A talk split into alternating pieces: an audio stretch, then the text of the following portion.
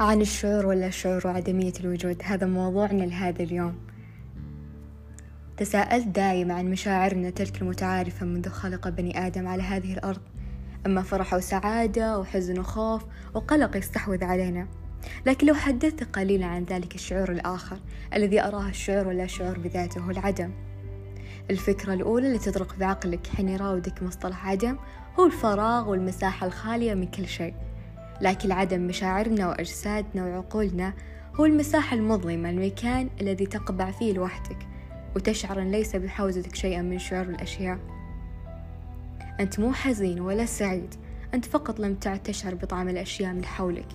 نفسك الأماكن اللي طالما اعتدت أن تتردد لها الأشخاص من حولك ومكان عملك والقائمة تطول. عزيزي المستمع ما تقوم باستماعه هنا ليس كلام مراهق بالسابع عشر من عمره.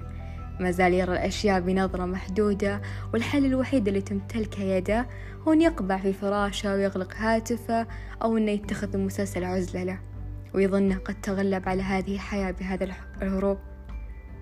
بل هو المراهق بذاته الذي كبر وكبر الشعور معه. وأدرك أن الحياة في كل سنة من عمره أما أن تغلبك أو أنك تتغلب عليها. لكن اللي أحاول الآن جاهدا أني أشرحه أني أصف هذا الشعور. هل تحسست يداك يوم من جسدك وجهك ملامحك التي أصبحت لم تعد تعرفها؟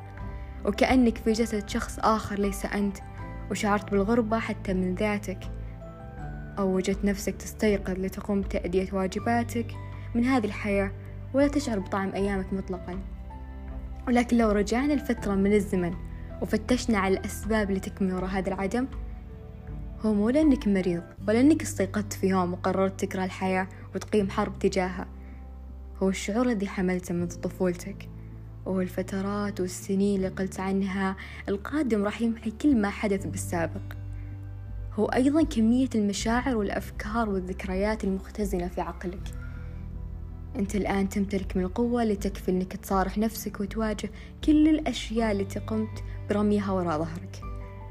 قوي بقوة أنك تدرك أن كل ما جنتها يداك أنت كنت السبب في كل هذا. ولكن لحظة أنا ما أجعل كل اللوم والجلد على ذاتي بل أنا قوي للحظة أني أدركت أن هذه سنين عمري قد تمضي. وأنا لطالما رميت اللوم على مكاني وعلى الذين من حولي ولم أكن بتلك القوة التي تجعلني أني أدرك نفسي وأفهم مبتغاي من هذه الحياة الفانية. الحياة ليست بتلك المثالية التي تتوقعها البعض.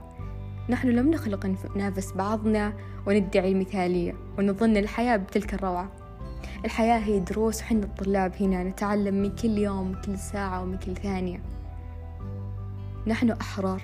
لم نخلق نكون تحت رحمة أراء من حولنا ومعتقداتهم ولم نخلق نكون مسجونين في أفكارنا المحدودة بل نحن خلقنا الغاية وسوف نموت الغاية.